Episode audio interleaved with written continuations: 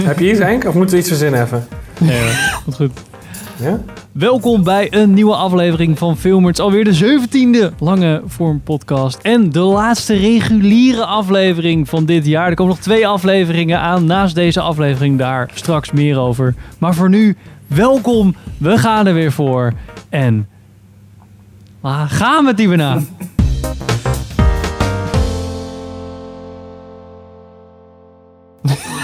Tof. Gaan we hè? Oh, credits. En Q, Q, Q. Welkom bij een nieuwe aflevering van Filmers. Ik ben Henk. Ik ben Pim. Ik ben Sander. En ik ben Richard. En welkom bij deze nieuwe aflevering. We gaan het natuurlijk weer beginnen deze aflevering met de voorbeschouwing in samenwerking met Filmdomein. Toch wel, omdat ze waarschijnlijk ook wel meegeholpen hebben Wordt er steeds gesponsord. deze lijst. We hebben weer vier ja. mooie films. Pim, Ja, het lijkt waar een normale maand, hè? Wat? Sorry. Ik zei, het lijkt wel een beetje een normale maand. Eindelijk. Weer. Ja, Qua hoeveelheid bedoel je? Ja. Voor de bios. ik, ik moet eh offkicken, hoorde ik. Kok, je maar af. Oké, we hebben vier films. Boffen. En eh, we beginnen met Monster Hunter. Where the hell are we? That lightning, it hit those markers and it took us somewhere. Naast onze wereld is er een andere, een wereld van gevaarlijke en krachtige monsters die een domein met dodelijke vreedheid beheersen. Wanneer luitenant Artemis en haar loyale soldaten worden vervoerd naar deze nieuwe wereld, krijgt de zelfverzekerde luitenant de schok van haar leven. In haar wanhopige strijd om te overleven zal Artemis moeten samenwerken met een mysterieuze man die een manier heeft gevonden om terug te vechten tegen de monsters. Oh my god. Regie door Paul W.S. Anderson, dus eh boffen. Die we kennen van eh, die klassieke Resident Evil films. Event Horizon, die wel tof is. En Mortal Kombat. Hij heeft het ook geschreven, dus dubbel boffen. Eh, met Mila Jovovich natuurlijk. Tony Ja en Ron Perlman. En hij komt uit op 3 december. Nou, zit hier allemaal naar uit te kijken. Hè? Jij Ja. had toch laatst Event Horizon gekeken? Die Ja, ja, ja. uit 96 of 95, wat was het? Ja, precies. Dat is een goede Paul W.S. Anderson film. Nou, het is een veel goede film en Paul W.S. Anderson.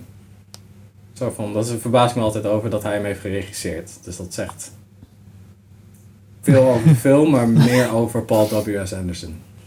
Denk ik. Ja. En dit is een film, de, de Monster Hunter, is een film eh, op basis van een spel. Ja. En het lijkt er totaal niet op, dus dat is te gek. Ja.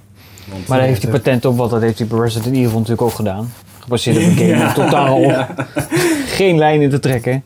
Ja, precies. Nee. Het, is echt, eh, het is echt zo van, oké, het Monster Hunter gaat over een soort van fantasiewereld waar, eh, ja, waar je dus eigenlijk een soort van, ja, een soort van fantasieachtige setting, dus een soort van middeleeuwse setting en dan word je een Monster Hunter en dan gebruik je van hun, eh, eh, van de monsters die je jaagt, maak je dan nieuwe armor en wapens en dat soort shit.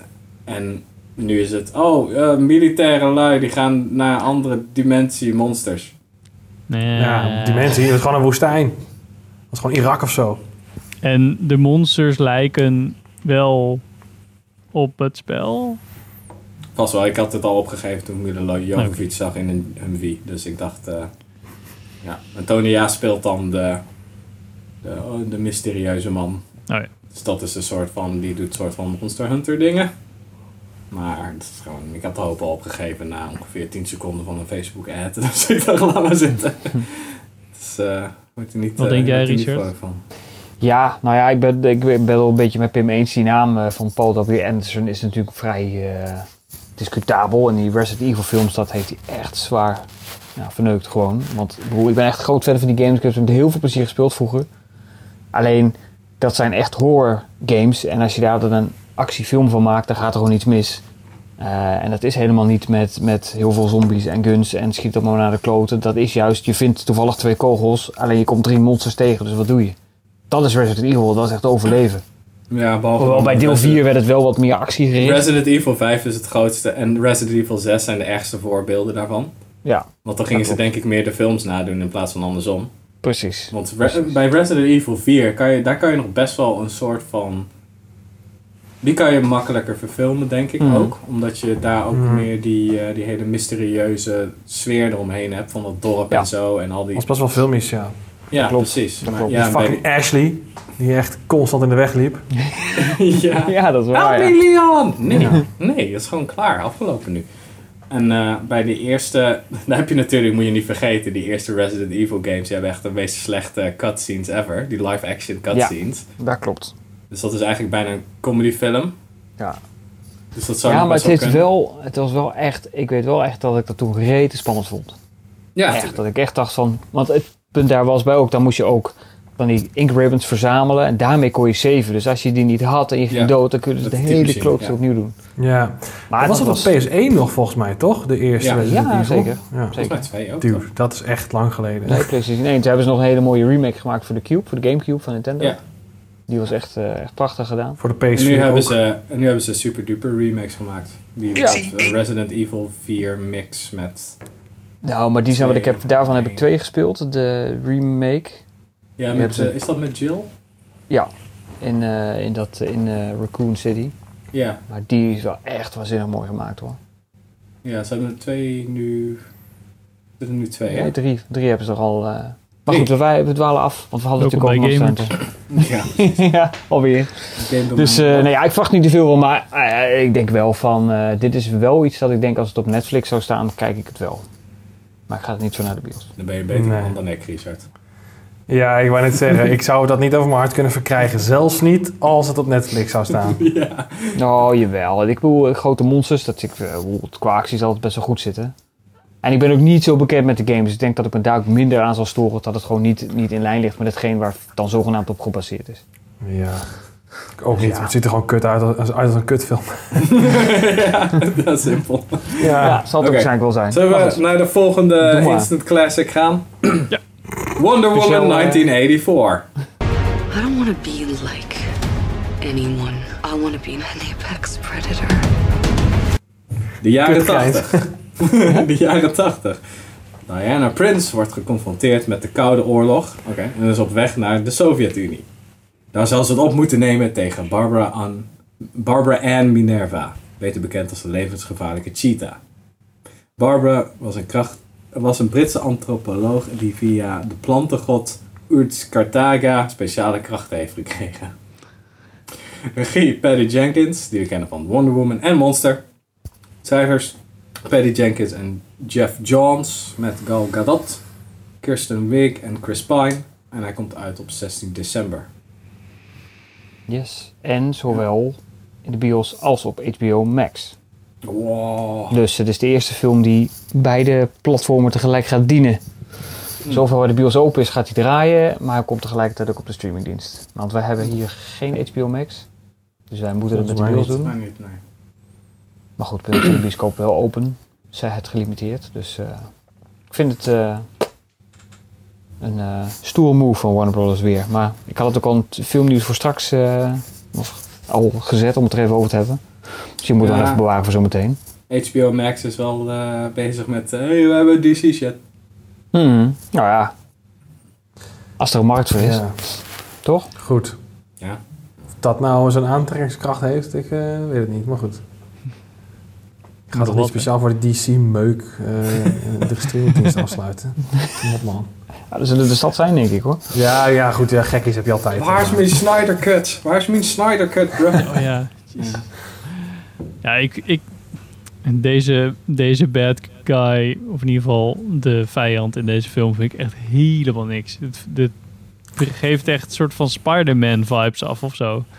Ja, die vrouw is de villain volgens mij, hè? Dat is al even geleden dat Ja. ik de trailer heb gezien. Ja. Maar dat was zo awkward, met dat ze dan zo door dat, ja, waar was dat, door dat museum liep of zo. En dan ja. als, oh ja, jij bent dan een mooie vrouw en ik niet. Dan dacht jij bent best wel een normale vrouw als je je normaal kleedt. Dus waar hebben Ja. we het over? Het is niet, het is er geen, het is- ja, het is niet lelijk of zo. Het is, Het is echt gewoon zo'n normaal. film ugly. eh, ja, Ja. precies. ja, precies. Wat de, waar heb je het over? Dit zijn geen problemen.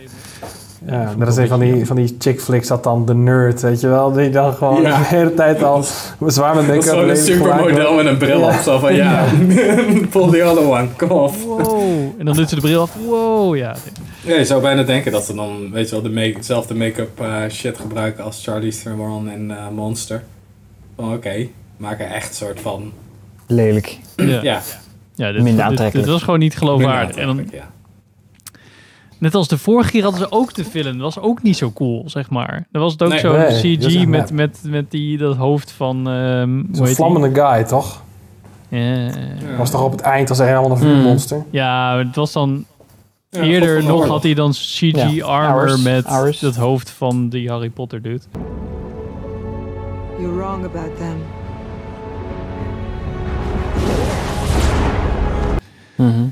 Mhm. Nee, die doet uit Dragonheart, Henk. Oh ja, sorry. maar ja, hè, Chris Pine is wel terug. Met zijn Ja, eh. Nou, jaren 80 hey, grapjes. Nou ja, ik bedoel over jaren 80 gesproken. Ik denk dat Sander echt heel veel zin heeft in deze film. Als ik zo naar zijn trui kijk, denk ik, nou, die zit helemaal klaar voor Wonder Nou, Woman. juist Van de jaren grap, 80. Richard. Dat is SpongeBob, dat is, ja, SpongeBob, dat is jaren 90, hè? Oh, zo, sorry. Ja. SpongeBob. Nou, Daar heb ik. Tijdloos bedoel je. Tijdloos, ja precies. Er worden nog steeds nieuwe afleveringen van gemaakt. Dat is laatst weer een nieuwe film vanuit, toch? Twee, Ja, klopt. één jaar geleden, twee jaar, alle jaren, ik weet niet meer welk jaar het is. Die Steven Hillenburg is volgens mij wel tien jaar dood of zo, dus die draait zich om zich af. Maar eh, er Ah, ja. wordt nog steeds nieuwe shit gemaakt. En ook nieuwe merch, dus trouwens. Oké. Oké, Shout-out ja, naar. SpongeBob merch. Oké. de volgende Nederlandse. Volgende, ja. De slag om de Schelde. Ze zijn op zoek naar degene die het gedaan heeft. Papa kent genoeg mensen. Papa werkt voor de Duitsers. Fijne discussie over Wonder Woman trouwens. Najaar 1944. De slag om de Schelde is gaande. Een grote zeeslag vindt plaats in Zeeland en West-Brabant. De slag is beslissend voor het verloop van de Tweede Wereldoorlog. In de bloedige strijd kruisen de wegen van verschillende personen elkaar. We volgen onder andere Mar- Marinus, een jonge Nederlandse man die aan de kant van de Duitsers vecht. Ook volgen we William, verdwaalde Britse zweefvliegtuigpiloot. En Teuntje, die deel uitmaakt van de verzetsbeweging. Regie, Matthijs van Heiningen junior van The Thing remake uit 2011. Schrijver Paula van Oest, regisseur van Tonio en Lucia de, de B. Ja. En eh, met Gijs Blom, Jamie Flatters en Suzanne Radder. Eh, 17 december komt hij uit. Ja. De film die blij was dat No Time To Die eh, naar maart ging. Ja, precies. Nou, deze film gaat de bioscopen redden, jongens. Nou ja, afgaande van de trailer. Het zag er best wel prima uit voor Ja. Een Nederlandse oorlogsfilm, dacht ik. Ja, nou ja. Hè. Qua Kunnen production value ben ik dat zeker met je eens. Maar qua gewoon verhaaltechnisch en gewoon... Ja, ik vond het gewoon een beetje lame. Het was gewoon letterlijk Dunkirk en 1917 eh, propje in een film. En dat was het wel zo'n beetje volgens mij. Nou, maar ja, dat wil iedereen toch?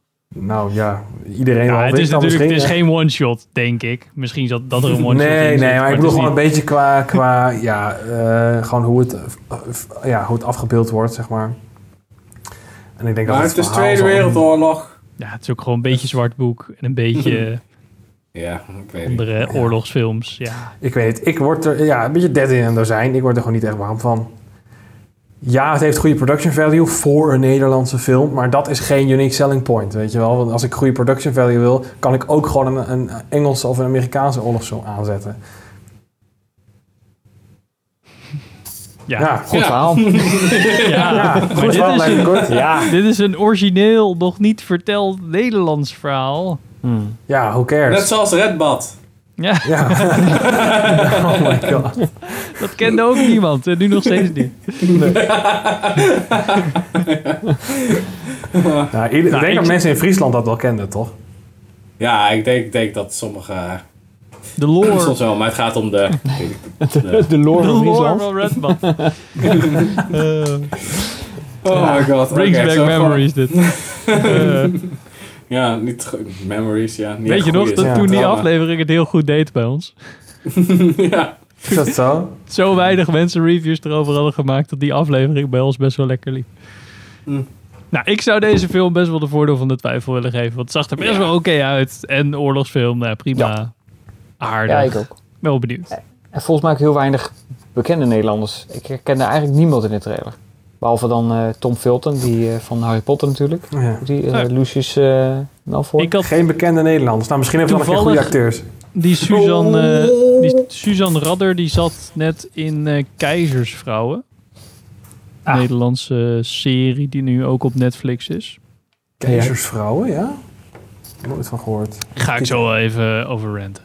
Leuk. Oh, Oh ja, je het gezien Oké. echt al? Ah, ik meegekeken terwijl mijn vrouw het aan het bingen was. En elke Ja, keer zat ik...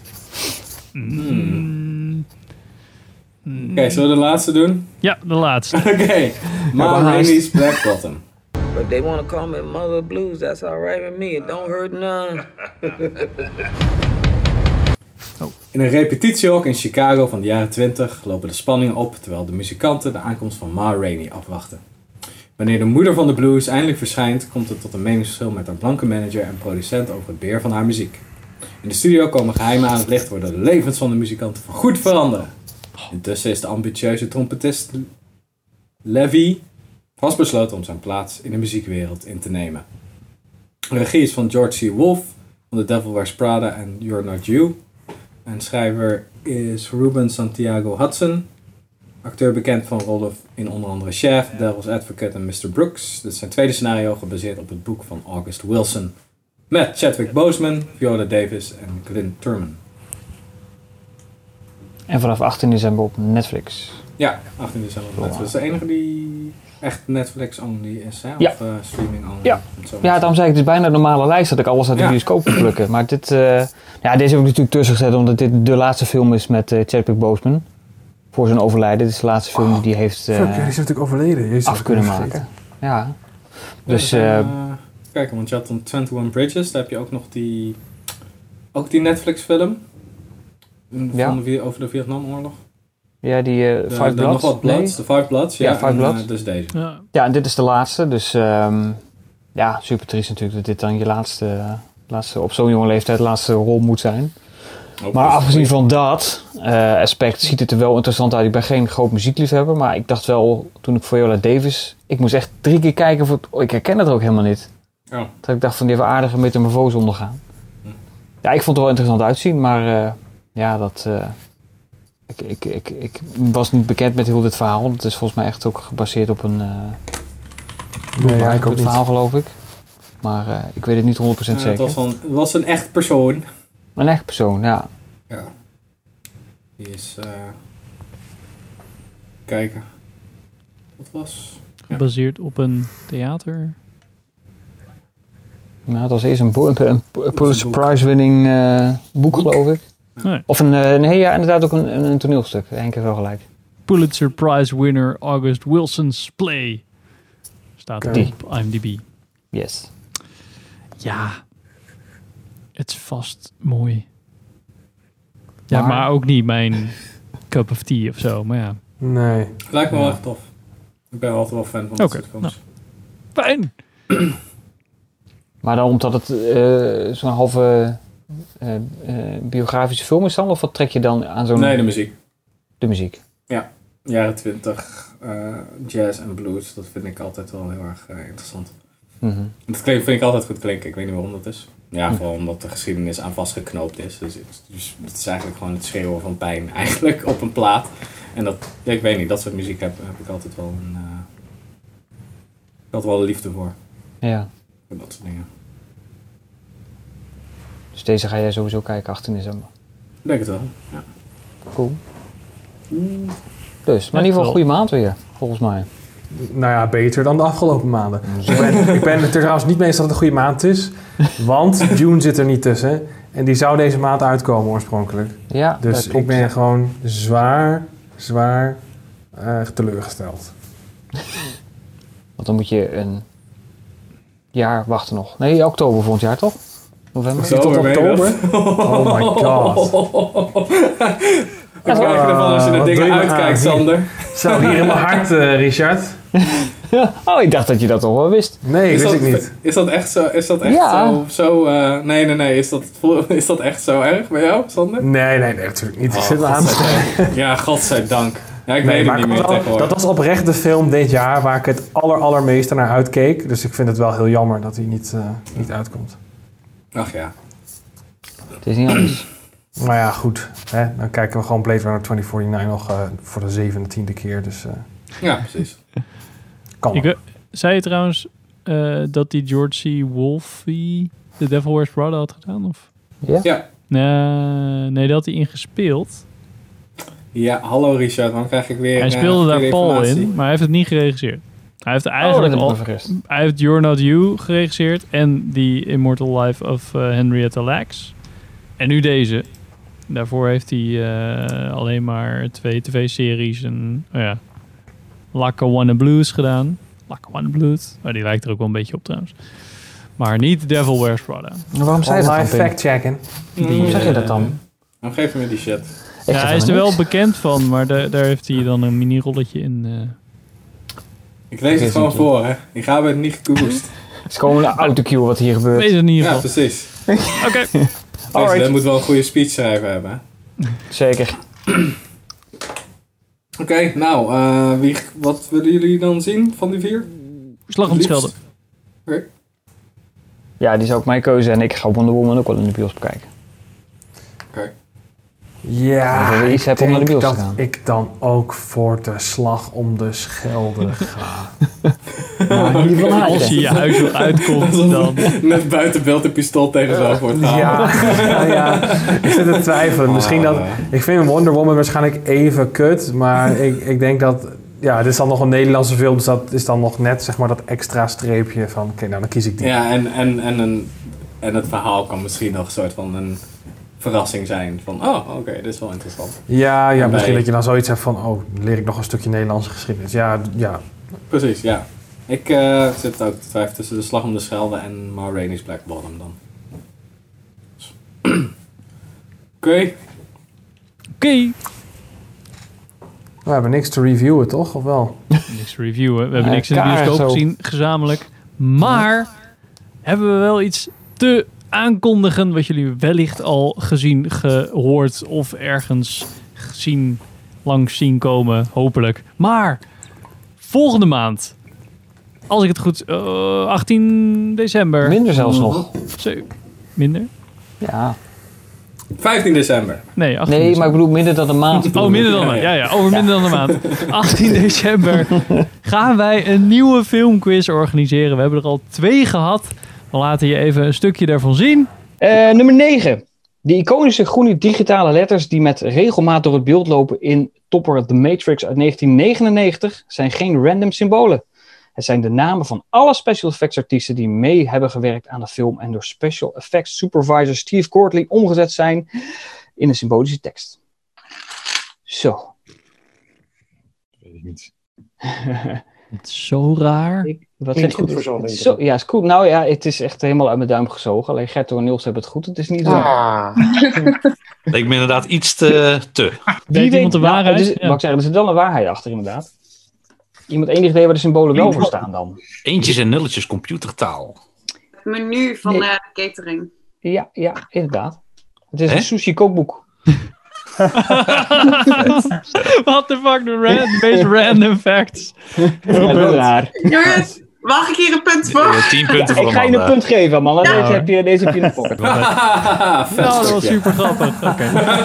Ehm, en eh, we gaan een kerstspecial filmers filmquiz organiseren. Dus we hebben acht kandidaten dit keer. ehm, waarmee we eh, weer een, een, een kerstspecial of, of een filmquiz gaan doen. Dus we hebben allemaal vragen, we hebben rondes. Je kan meedoen. Je kan weer zelf invullen. Je kan zelfs zelf prijzen winnen als je meedoet, maar geen kandidaat bent. Daar gaan we voor zorgen.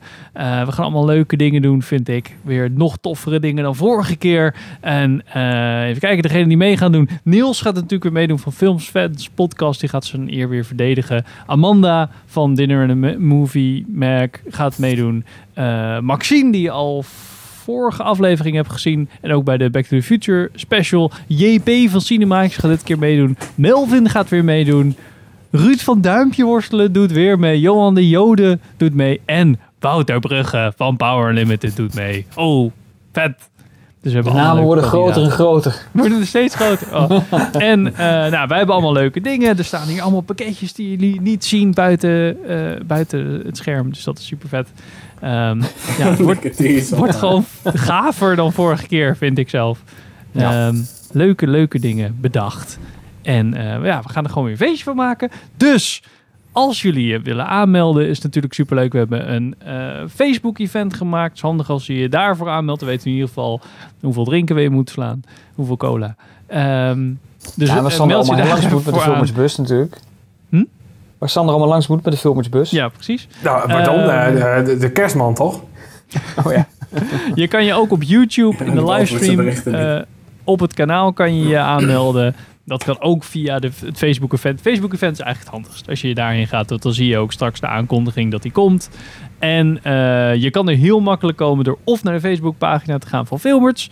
Of je kan via Instagram, hebben we een Linktree-account tegenwoordig. En als je daar staat een knopje naar het Facebook-event voor de filmquiz. Dus dat is ook je heel kan handig. ook eh, de YouTube-livestream alvast eh, taggen. Of Ja.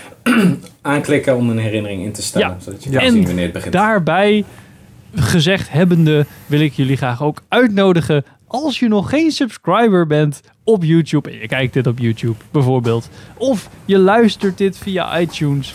ehm, like ons dan even. Als je op. YouTube kijkt, wil je je dan abonneren op ons kanaal. Super fijn. Dat is goed voor onze rating. Kunnen mensen ons makkelijker vinden. Weten we ook dat jullie ons leuk vinden. Dus als je nog niet gesubscribed bent of ergens een reactie of zo achter kan laten, doe dat alsjeblieft.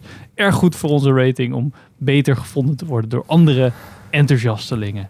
Ja, met name, wil ik nog even toevoegen, op iTunes. Als je een review achterlaat op iTunes, dat zou heel fijn zijn. Ja, daar worden we heel blij van. Maar moet het dan mag alles, review alles doen of als het maar 5 sterren is. Ja, kan je, afbra- in je comment kan je ons afbranden, maar geef ons 5 sterren. 4,5 mag ook nog, vind ik ook nog toegestaan. Ja. Ja. Ja. Dat is een trucje dat je tijdens de middelbare school hebt geleerd. Hè? Altijd een halve één vraag niet, niet goed doen. Ja. Anders wordt het... eh, Altijd ruimte voor verbetering. ja, precies. Yes. Maar dan gaan we nu verder met oh, de prijsvraag van vorige Ja. keer. Richard, introduceer het. Oh, Dan ga ik klein even een woordje uitkoppelen en de spullen pakken. Oh, je gaat even loskoppelen. Nou ja, we hebben natuurlijk de vorige keer de Back to the Future special gehad. Waarin Maxine, eh, of waarin we samen met Maxine van Universal niet alleen de boxset, 4K boxset mochten weggeven. Maar er kwam ook nog een hele speciale extra prijs uit de koker. Die eh, Henk nu als het goed is op zijn schoot kan houden door het, eh, hopelijk door het zwaargewicht van de prijs. Als hij tenminste zo zijn oortje weer inkipt, dan kan hij hem weer oppakken. Want naast, daar is hij de boxset met alle, fil- alle vier de films, wil ik zeggen, alle drie de films erin in 4K. Dat is prijs 1. En daar komt nog als bonusprijs nog eens bij. Oh my Een god. zeer exclusieve Funko van Doc Brown met het eh, future. stadhuis met de Kloktower. erbij en het, het kabeltje en de hele toeters en bellen. Die, Spullen. eh, die komt er ook Dus, nog bij. Deze maar voor twee, wie is die? Precies. Er Ja. zijn reacties binnengekomen op de prijsvraag. Wat is jullie favoriete karakter? En we hebben er eentje uitgetrokken. Ik ga heel even kijken of ik hem snel kan vinden in mijn laatste. Oh, Trommelgroveltje. En de winnaar is... Oh. Dion van den Berg. Yay. Want hij had als antwoord, als je het mij vraagt, is de grootste held van Back to the Future de DeLorean DMC-12. Een ontzettend commerciële flop, verschrikkelijk om in te rijden. Niet bepaald een tijdmachine, tussen haakjes dragen. En twee keer zo duur als oorspronkelijk begroot. Vergeet ook niet de bijzonder eigenaardige, getroubeleerde geestelijk vader... De rechtszaken, fraude, een drugsverleden en gevangenisstraffen. Toch hebben we het over een van de grootste cult-iconen van de vorige eeuw. De DMC-12, een ontzettende anti-held in het echte leven, werd dankzij Back to the Future een, een superheld op het witte doek. Tegenwoordig zijn ze onbetaalbaar en in Texas wordt hard gewerkt om eind 2021 weer gloednieuwe exemplaren op de weg te krijgen. Live imitating art. Stel je toch eens voor dat ze Mackers in plaats van een DMC-12 toch bij zijn originele plan was gebleven. Voor een koelkast had gekozen als tijdmachine in plaats van de DeLorean. Een koelkast. Dat was echt super kut geweest. De koelkast ligt even goed op de weg volgens mij. En zoals Richard goed commentte daarop, dan waren een hoop kinderen in de koelkast getrokken. Gelukkig hebben niet veel kinderen Indiana Jones 4 gekeken. Maar Dion van den Berg, ook trouwens, nee, hij heeft deze twee prijzen gewonnen. Oh my god. Oh, Sander, val je of zo? Nee, aardbeving. Dus Nou, neem maar jij in Groningen. Dus, tof. Mooie prijs. Oh my Dankjewel god. Universal voor deze prijzen. Super. Ja. Dat we deze mochten weggeven. Gaan we nu door met het filmnieuws. Filmnieuws, filmnieuws. Hebben we daar een jingle voor? Nee, hoor. Dit was- filmnieuws. Yes. Nou, zal ik maar beginnen? Nou, trap er Richard af, heeft veel dingen Nou ja, we hebben het net al natuurlijk over Wonder Woman gehad. Daar hoeven we het eigenlijk niet meer over te hebben. Maar wat daar wel aan interessant is, is natuurlijk dat Nee, Wonder Woman goed, nu eh, tegelijkertijd in de bioscoop komt als op HBO Max. Wat misschien natuurlijk een bepaalde nieuwe tactiek is om te kijken of ze dan eh, beide markten kunnen aanboren en alsnog genoeg geld kunnen binnenharken. Het gerucht gaat namelijk dat ook eh, King vs. Kong, eh, ja, nee, Godzilla vs. Kong, dat moet ik goed zeggen. In ieder geval de Ja. laatste monsterfilm die volgend jaar uit zou komen. Waarschijnlijk, als dit succesvol is, misschien dezelfde weg gaat volgen. Dus dit wordt ook een beetje experimenten of dit nou ja, goed voor een goed gevulde portemonnee gaat volgen voor Warner Bros. Maar, als jullie de keuze hebben tussen... Nou, voor Wonder Woman weet ik wat jullie de keuze is. Maar als je dus kan kiezen tussen bioscoop en streaming tegelijk... Wat wordt dan Ja. de keus? Dat ligt een beetje aan de film. Dat denk ik, hè. Ja, maar Wonder slim? Woman is het een slimme allebei tactiek niet, wat Warner Brothers doet? Laat ik het dan zo insteken. Nou ja, ik denk meer dat het een, dat het een soort van... Ze, ja, ze moeten nu is. iets... Het duurt nu te lang om op de handen te blijven zitten... of om op al die films te blijven zitten. Hmm. Dus ze moeten iets... En ik denk dat dit gewoon dan... eh, ja, het minst slechte is... volgens hun verwachting. middenweg. Om er zo, Maar zouden ze dan net als Disney, zeg maar, die... Want dan hadden ze het er ook bij Mulan gedaan. Dat ze de gratis maand eh, eruit hadden getrokken als je, toen ze Mulan hadden eh, online gezet. Dan kon je niet meer, zeg maar, een maand gratis subscriben en dan alleen Mulan kijken en dan weer... Nee, maar Die moeder was sowieso met... eh, eh, Moest je sowieso eh, 30 pegels voor ballen. Ja, precies. Die moest je sowieso apart Ah betalen. ja, die moest je ook, ja. Precies, Ja. die, eh, Betaal! Ja, Betaal. Dus, eh, ik weet Maar, het niet. Het is echt goede van- tactiek? Of ik, eh, weet- ik weet het niet. Ik, weet, ik vind het een goede vraag inderdaad. Maar ik... Ja, goed. Ik denk niet dat het, dat het kan tippen aan, aan wat ze zouden verdienen... In, gewoon in normale omstandigheden. Hmm. Ja. Maar ik denk wel dat als je nu iets dus alleen in de bioscoop uitbrengt... dan is het gewoon, ja, financiële zelfmoord. Ja, zoals Tenet bijvoorbeeld. Ja, en ik denk dat dat in dat geval dat het misschien een goede move is. Ja, maar ik denk niet dat dit iets is wat, wat ze gaan doorzetten... nadat het hele covid-geneuzel voorbij is. Ik denk dat de enige, enige partij die hier echt blij mee is HBO Max is. Mhm, En verder eh, is het zo van ja, we moeten wat. mhm. En ik denk nog- dat het dan wel volgende, volgend jaar, dan is het wel heel erg, eh, misschien wordt het wel zo krap.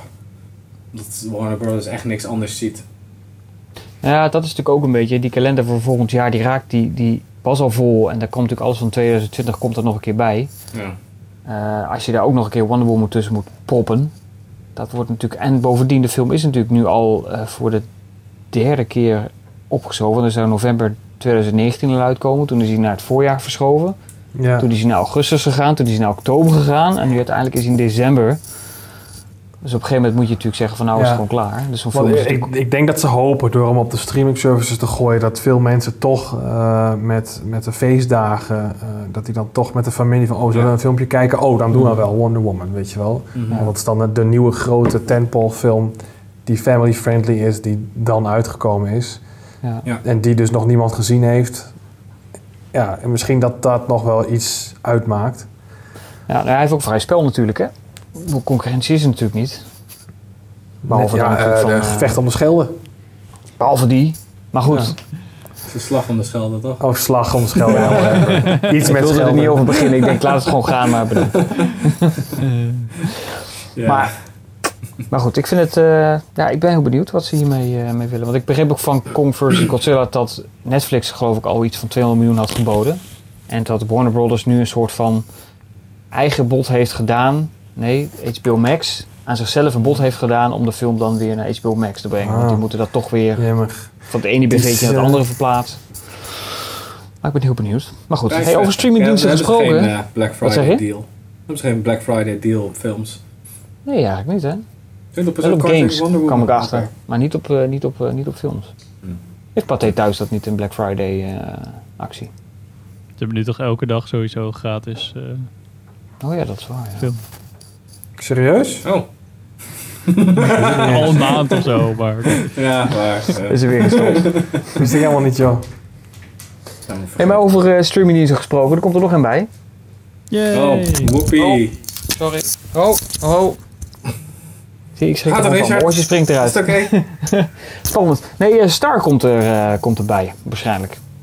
Eh, nieuwe streamingdienst van Disney, waar ze alle content op kwijt kunnen wat ze niet op Disney Plus willen zetten. Dus alle 16 plus content eh, die ze in de pocket hebben van eh 20th Century Fox natuurlijk. Zoals Aliens en Predator. Het is echt zo het Film 1 kanaal. Van... Ja, nou ja, Ja. misschien wel. Nou, dit het raar is, ze hebben natuurlijk eh, Hulu al in Amerika. Wat deze content aanbiedt. Eh, dat is alleen daar. Eerst zeiden ze van dat rollen we wereldwijd uit en dan gaat dan al die andere content heen. Maar daar blijken ze nu toch van af te stappen. En dan toch te zeggen van Hulu dat is te onbekend voor de rest van de wereld. We starten gewoon een nieuwe eh, streamingdienst. Lijkt me heel onpraktisch. Onbekend voor de rest van de wereld. Ja. Dus ik, eh, nou, ik vind het heel bijzonder, moet ik zeggen. Ik moet bij Star weer- gelijk denken aan Stars, maar dat is dan die, die zender. Of Pathé Ja, oh ja. All-Stars. Maar je kan sparen voor allemaal leuke dingen. Zoals een bril en popcorn. Maar in ieder geval, die, die shit. Het is, we hebben het toen over gehad over streamingdiensten volgens mij. Toen, we, Ja. toen Disney Plus net aangekondigd was. Ja, klopt, ja. Dat ze zeiden, eigenlijk gaan we weer terug naar tv. Ja, Dus die krijg, deze verzuiling krijg je nu weer. Ja. Ik kan niet Dus wachten totdat eh, die, van- eh, dat Netflix kanaal dat je gewoon... Oh, vanavond hebben we allemaal die film gekeken die op de Netflix zender... Ik heb Netflix zender 1 gekeken. Oh ja, ik 3. Oh. oh, ik heb net die andere Netflix zender gekeken. Ja, de hele Ja. tijd dat rare gevoel in je achterhoofd dat dit je heel bekend voorkomt. En dan komen er opeens reclames tussen van trailers van andere films die op Ja, Netflix, Netflix te zien zijn. Dan denk je... En dan is er een hele nieuwe feature dat je die shit soort van kan opslaan als vault. Oh, Oh, en dan kan je gewoon de reclames doorspoelen. Maar dat kan dan niet, want het is allemaal in, ingebakken in die machine natuurlijk. En dan komt Dus er, dat oh, eigenlijk oh ja, nee, ja, we moeten toch reclames doen. Maar als je meer betaalt voor Netflix, Ja, dat is- ja. geen reclame. Dat gaat nog een keer gebeuren. Misschien niet bij Netflix, maar bij een service. All of this has happened before. All of this will happen again. Ja. ja, precies.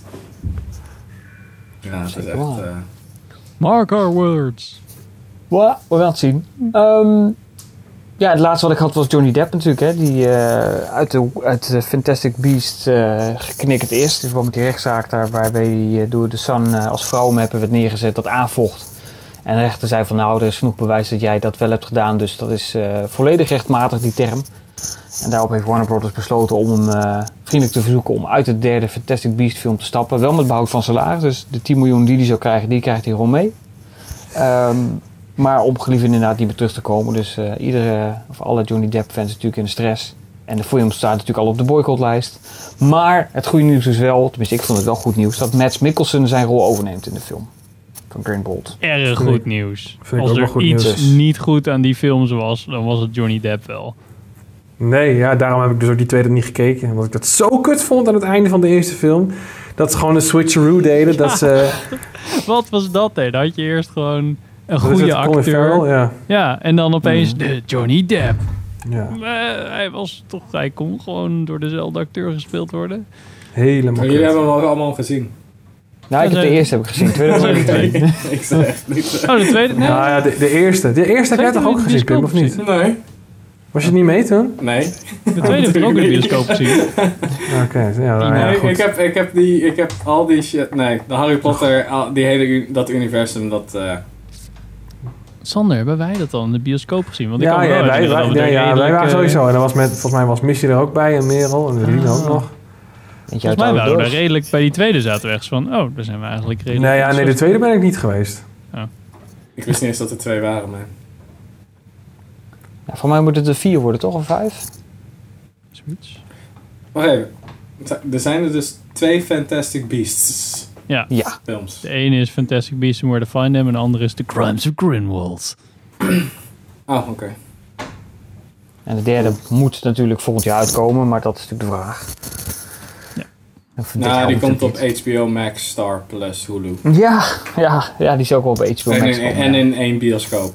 Ja, Je Maar het is natuurlijk een zo- beetje aan het eh, raspen, Richard. mijn microfoon is je net te hard geknikken, denk ik.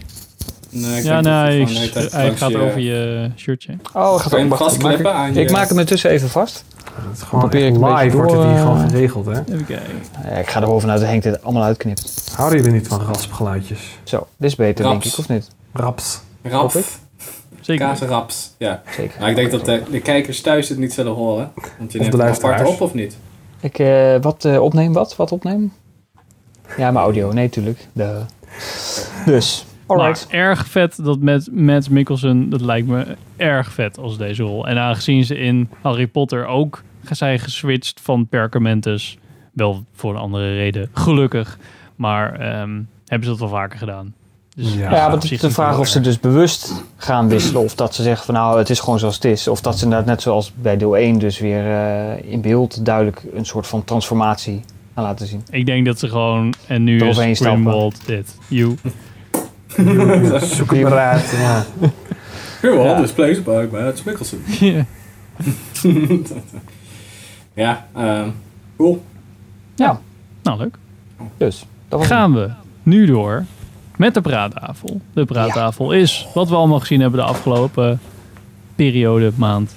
En ehm, dit keer hebben we niet superveel gezien. Maar ik dacht, wellicht willen jullie het hebben over The Mandalorian. Ik heb nog helemaal niks van gezien. Ik ben super benieuwd. Oh. Oh, Oh, Henk, zoveel spoilers. Ja. je me nou? Nou ja, Baby Yoda is dus dood. Oh shit. En hij eet allemaal eieren die al... Ja, en blijkbaar wordt een van de Mandalorians gespeeld door Johnny Depp. Fucking whack. Die kunnen ze niet vervangen. Ja, maar alleen zijn stem, wat heeft toch de hele tijd de helm op, dus maakt niet uit. Ja. ja, precies. Dacht eens dat ik ja, Nee, maar, de, ehm, de voice acting van Rango gebruikt. Dat was heel weird. 3 is heel raar. Dat was ook een toffe film trouwens. Maar goed, Mandalorian. Ja. Ehm, Richard en Pim, jullie, jullie zijn bij dan? Helemaal. Tot helemaal aflevering 4. Kijk, allemaal, Wat vinden jullie ervan? Ja. ja, ik Ah, vind ik het super vet. Ja, ik ook. Ja. Ik niet tegen. Alleen ik vond 4, de laatste aflevering, vond ik echt zo'n... Ik echt zo, oké. Wat? Nou, ik had wel het idee dat je op, ontdekt zo'n lijntje van... ik heb wat nodig, eerst moet je helpen en dan bied ik de hulp aan. ik Dat was nu twee ja, keer achter elkaar. Henk het niet gezien heeft, want anders kon ik al. Ik had een heel ander verhaal. Ik wil mijn oortje wel even uitdoen. En dan kunnen jullie gewoon... Oh ja, spoiler in beeld. Oké. En dan, We eh, zwaaien wel even als je weer kan luisteren. Dus die shit is, hij, hij komt dus eh, weer aan. En dan moet die, die shit moet gerepareerd worden. Oh, we hebben een probleem, want er zit hier een basis. Wow, wow, wow. En dan rijden ze gewoon naar de voordeur. Lopen ze naar binnen. Oh, het is best wel een hele grote basis met belangrijke shit. mhm. Waarom? Hè? Dat had je vet anders kunnen doen. Als Oh, in- ik dacht je gaat beginnen over... Goh, wat is dat schip snel gemaakt? Oh ja. Ja, Razor dat Crest. inderdaad. Dacht je dat bedoelde, maar... eh, Oh nee, ik vond het echt zo van, dit hadden ze zo veel interessanter kunnen uitvoeren als in, oké, hij landt daar of hij, hij gaat naar die plek toe, hij wordt beschoten ergens vandaan. Of hij ziet wat raars, een soort van energy spike en hij landt. Dus van, yo, eh, hallo, ja, hey, te gek, Baby Yoda leeft nog, eh, helemaal cool. En dan zegt eh, Gina Carano zo van, yo, ehm, we hebben de hele tijd last van, er verdwijnen de hele tijd een soort van eh, mensen of eh, het is een soort van Bermuda driehoek op onze planeet. We zijn overal, we hebben 90%, maar die 10% hmm. we weten niet wat er aan de hand is. En dan, dan gaan ze daar naartoe, super sneaky. Dan zit ze echt zo van, hé, hey, what the fuck? Dan kan je een soort van referentie doen van, hé, hey, is dat een cliff? Nee, dat is een basis. In plaats van, is het een star? Of is het Ja, een, ja, ja, is het star? Dan kan je die referentie doen, oh, helemaal top. Dan hebben ze natuurlijk, dus het is vet zwaar bewaakt.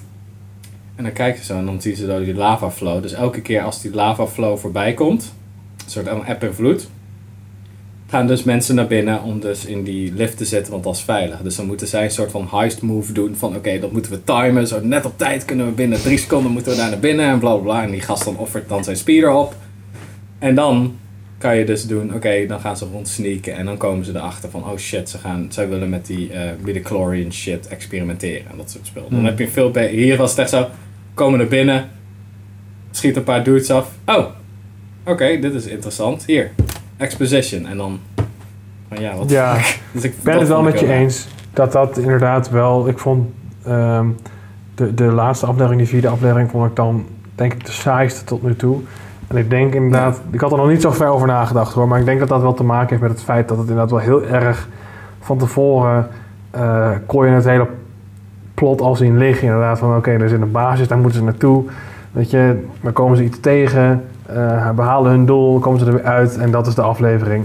Ja, En dat het is voelt al heel ja. erg als filler aan. Omdat Ja. je dus eigenlijk aan het af- einde van aflevering 3 had je van... Oké, we gaan naar eh, Ahsoka Ta- Tano, heet ze volgens mij. Ja. Die mensen natuurlijk kennen van eh, de Clone Wars. Dus ik dacht, oh nice. Komt zij in de volgende aflevering? En is het...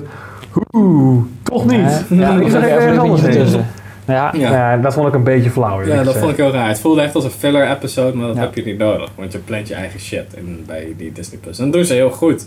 Dus ik, vind, ik voel het echt, het viel een beetje buiten, buiten het soort van frame wat ze eigenlijk hebben opgezet met die serie. Dus dat vond ik echt heel vreemd. Het is Ja. allemaal zo, oh, we moeten deze mensen nog introduceren. Zo, Mhm. en je weet nog dat ze bestaan. Te gek, Ja. oké, volgende. ja, je was die wel een beetje kwijtgeraakt natuurlijk in de, loop van de serie. Ja, het was wel was het, eh, geleden natuurlijk. Ja. Was het Snoke? Een eerste, eerste concept voor Snoke in die eh, tube? Om te klonen? Hij leek er wel op, hè? Is dat zo? Dat is mij niet opgevallen. Nee, echt die, die dat in zijn hoofd ook. Oh, dan moet ik misschien nog Ik had het idee van, oh, dat is gewoon de eerste concept en eh, dit gaan ze doorontwikkelen met die midi-glorians. En daar komt dan uiteindelijk eh Snoke uit. Snoke, Snoke. Gewoon een dikke midichlorian injection. Ja, nou ja, ik vond het wel tof. Of tenminste, dat vond ik wel tof. Ik weet niet of het zo is, maar Ja, ik weet het niet. Ik denk, eh, ja, soort van dat, dat geëxperimenteerd, dat is gewoon omdat die, eh, de Empire natuurlijk zwaar gebaseerd is op Nazi-Duitsland. hmm. Heb je dat gewoon, die angle heb je altijd. Van oké, dat zijn allemaal rare dokter, rare shit. eh mensenrechten schendingen, alienrechten schendingen. Ik zou shit. het op zich nog wel een oké move vinden om dat iets uit te diepen met Snoke. Omdat die natuurlijk gewoon zo falikant ja, in de trashcan geflikkerd is in de trilogie. ja. Dat die, die, die guy, die, die is helemaal niks nu, weet je wel. Dus ze Mhm. kunnen daar in principe nog van alles mee. Ja, ik zou het wel een interessante wending vinden. Of in ieder geval dat je dat soort dingen een beetje probeert te verklaren of een beetje mee te nemen in je verhaal. Toch wat meer binding te maken tussen de originele eh, films en die, eh, de laatste drie. Ja. ja, ik ben heel benieuwd waar die, die, die Baby Yoda uiteindelijk... Dat is natuurlijk het einde van de serie. eh, Mhm. Tenminste, dat vermoed ik. Ja, waar die uiteindelijk terecht gaat komt. komen. Bij wie, weet je. Ja. De meeste Jedi... Ja, het zal vast een Jedi zijn die we kennen. Laat ik het zo zeggen. Ja, ja, misschien wel. Ja, die Ashoka, dat is toch een eh, Jedi, toch? Ja, oké, maar die, die wil hij dus gebruiken om... eh, Bij op die het- order te komen. Bij de Ja, precies. Om de weg te vinden van waar moet ik naartoe. Ja. Hmm. Dat is niet het eindpunt, tenminste. Niet eh, voor zover ik weet. Het zou een korte serie zijn dan. Ja, voorlopig eh, stoppen ze er nog niet mee. Want ik geloof dat 80% van Disney Plus kijkers is voor de Mandalorian. Ja, dat is bizar. Dat snap ik wel. Dus eh, Ik vind het sowieso wel een goede opzet voor dat hij... Het is echt zo'n western samurai, Ronin samurai film. Dus, eh, ik, Hmm. Of een serie. Dus ze kunnen best wel veel kant op. ja. Toen Ja. Henk weer even terughalen trouwens. Zullen we Ja. We zwaaien nu allemaal even. Ja. Ja, dat hij weet dat hij terug mag komen. Maar goed, ja, die explosie van het kleine hoofdje. Ja, Ja. ik bedoel, eh, ja, dat heel die... eh, En zo ging Baby Yoda dus dood. Ja. ja, ja, super vet. Ah, zou super vet. dat... eh ja, Ja. die reveal dat... eh dat het Maar ik wist echt niet dat Mark Hamill was gewoon weer mee wilde doen ook. Wat zei? Sorry? Dat Mark Hamill ook mee wilde doen weer. Ik had echt verwacht dat dat Star vet, Wars. Maar goed, maakt niet uit. Waarom drinkt, waarom drinkt nu blauwe melk? Ja, ja, ook zoiets. Dat. Maar goed, Ja. anyways. Ach ja. Dat was het voor The Mandalorian. Nice. Hmm. Nice. Gaan Oké. we kiezen bij mensen? Of eh, is dat een vast, eh, vast ding? Of gaan we gewoon... Whatever. Ja, we gingen kiezen, maar... Hebben we nog dubbele? Hebben we nog, me- hebben we nog mensen die Ja. allebei dezelfde dingen hebben gekeken? Volgens mij niet. Tenminste, ik kan me Nee. niet voorstellen dat iemand... Allemaal wat anders zitten kijken. Ook wel... eh, Maar komt er, omdat er gewoon ook weinig nieuwe dingen uitkomen, denk ik. Ja. Nou ja, Ik ik heb eh, Greenland nog zitten Ja, kijken. zeggen, de nieuwe Gerard Butler eh, film die op Amazon Oh, Prime staat. Space agencies are predicting an extinction level event. We're gonna be together, all right, kiddo? We're just trying to get to safety. Die rampenfilm, letterlijk en figuurlijk. Ja, ik weet niet, jullie kennen natuurlijk allemaal Armageddon. En je kunt Ja. natuurlijk allemaal Deep Impact. Dat was natuurlijk in Ja. 98, kwam dat al tegelijk en, uit. eh, 2012. Ja, maar ik bedoel meer in die tijd. In 98 kwamen dus twee films uit met precies hetzelfde onderwerp. Een Ja, asteroïde oké. komt hier naartoe en eh dikke hel. Maar wat we toen deden was, we gaan er naartoe en we zorgen dat die splitsen. En dan gaat hij zo, langs de aarde toe. Dat was natuurlijk bij beide films het idee. En dat is niet het geval. Hier is het, het idee was van... Iedereen gaat dood. eh, eh, ja, iedereen gaat dood. En, je- en er is een, ehm, een soort van bunker. En mensen worden random geselecteerd. Of tenminste, dat lijkt random. Maar het zijn natuurlijk engineers en dokters en noem maar, op. Die je natuurlijk nodig hebt voor een nieuwe beschaving. Je krijgt allemaal een sms'je van je moet nu naar het vliegbasis komen. En daarmee vlieg je naar eh, Groenland, vandaar de titel. Want daar zit die bunker en daar blijf je dan veilig. En het karakter van Gerald Butler, die is een eh, bouwkundig ingenieur, half architect. Hij weet zelf, hij staat op bouwplaats in het begin van de film met een tekening. Volgens mij weet hij zelf ook niet zo goed wat hij doet. Daar. maar dat maakt verder niet uit. Maar goed, dan moet hij dus naar het vliegveld zien te komen. En eh, nou ja, dat is natuurlijk een weg met chaos. Want zijn vrouw, hij heeft toch zijn, zijn, of zijn ex-vrouw inmiddels, want hij is vreemd gegaan. Dus eh, ze kunnen niet meer met elkaar, ze wonen niet meer samen. Maar ze hebben wel een zoontje samen. Nou, dus met de hele familie moeten ze dus naar het vliegveld, raken ze elkaar kwijt. Dikke ellende, problemen stapelen zich op. Klinkt interessant, tenminste ik, wat ik wel interessant het idee was van eh, de meer de dramatische kant. Dus soort van realistisch van we kunnen helemaal niet met olieborders naar eh, die komeet vliegen om te splitsen. Daar gaat het natuurlijk niet. Dus wat zou er nou gebeuren op aarde als het echt zo zou zijn? Wat ze dan wel goed doen is dat wij allemaal van die berekeningen hebben van nou hij zal daar neerkomen in Florida en dan komt hij eh 2000 kilometer verderop, want dat kunnen we helemaal niet berekenen. Dus daar wordt wel goed mee gespeeld. Alleen waar ze dan weer de fout mee ingaan is al die toevalligheden die zich dan opstapelen. En dat, eh, ja, daar irriteer ik me dan toch aan. En dat je dan van die momenten krijgt van, oh, het is nu even niet spannend genoeg. Ah, er komt nu een meteorietenregen van kleine stukjes. Ah, die raakt toevallig niet mijn auto, weet je wel. Dat, en daar irriteer ik me dan aan. Dan denk ik, dan heb je zoveel kansen om wat te doen wat uit je verwachtingspatroon ligt. Maar het vinkt gewoon allemaal exact af wat het moet afvinken. En het is geen slechte film, het is een hele vermakelijke film. Maar ik kijk echt Armageddon 20.000 keer liever. Want Maar dan dit heb je is ook ook gewoon De gast die ook Angel Has Fallen heeft geregisseerd. Ja. En de- zijn volgende film is ook een film met Gerard Butler. Ja, een dikke matties. Dus eh, ja, ik, dit, dit staat op Amazon, dus daarom was het gaaf. In ieder geval gratis te streamen. Oh, Dus het is niet betaald. Ja, precies. Voor- we bij Dola. Precies. Maar ehm, ja, ik, eh, ja, het is een vermakelijke film, maar ik, eh, het is, nee, daar is alles mee gezegd. Oké. Laat ik het daarbij houden. Dus, Is die beter dan eh, 2012? Oh, jij eerst. Oh, oh, oh. Vroeg je? Ik ah, zelfde film, andere vraag. Oh. Dat is het plot van to- 2012 is ook dat ze naar van die arcs gaan, toch? Ja, dat klopt. Ja. Oké. Ja, en Ik hier zijn het dan wel inderdaad gewoon echt bunkers die dan daar al liggen. Dus die liggen er al jaren te wachten totdat wij met z'n allen uh, Is ook ondergronds zo. moeten. Dat, dat zal. Maar ehm, dus ik, de, is- ik vind hem wel beter dan 2012. Sowieso. Wat? Ja. Zo'n goede film. Oké. Hè? Ja, ik Nee, gewoon een slechte film vond. Oh my god. Beter dan een Ja, best wel leuk film. Holy shit. Weet je nog toen ze over dat ding Beter heen sprongen? Ja, Ja, The Day dat- After Tomorrow. Beter Ja. dan dat. Ja, The Day After Tomorrow was wel eh, een goede film. Die vond ik serieus zo vet, jongen, als, eh als angsty teen. Oké. Day After Tomorrow. Ja, maar die was ook wel tof. Maar Dat is toch nog met Jake Gyllenhaal nog. En Dennis Ja. Quaid. Dead Ja. Mhm. Quaid. 2004. Yes. Dus ehm, als je hem toevallig hebt op de streaming, zou ik lekker kijken en dan zou ik hem lekker achterwege. Oké. Ik denk dat dat de tweede gaat worden. Waarschijnlijk. Oké. En Henk, jij hebt de Harry Potters er weer doorheen gejaagd? Ja, de, eh, de Harry Potter films waren op eh, tv ergens. We are pleased to inform you that you have been accepted at Hogwarts School of Witchcraft and Wizardry.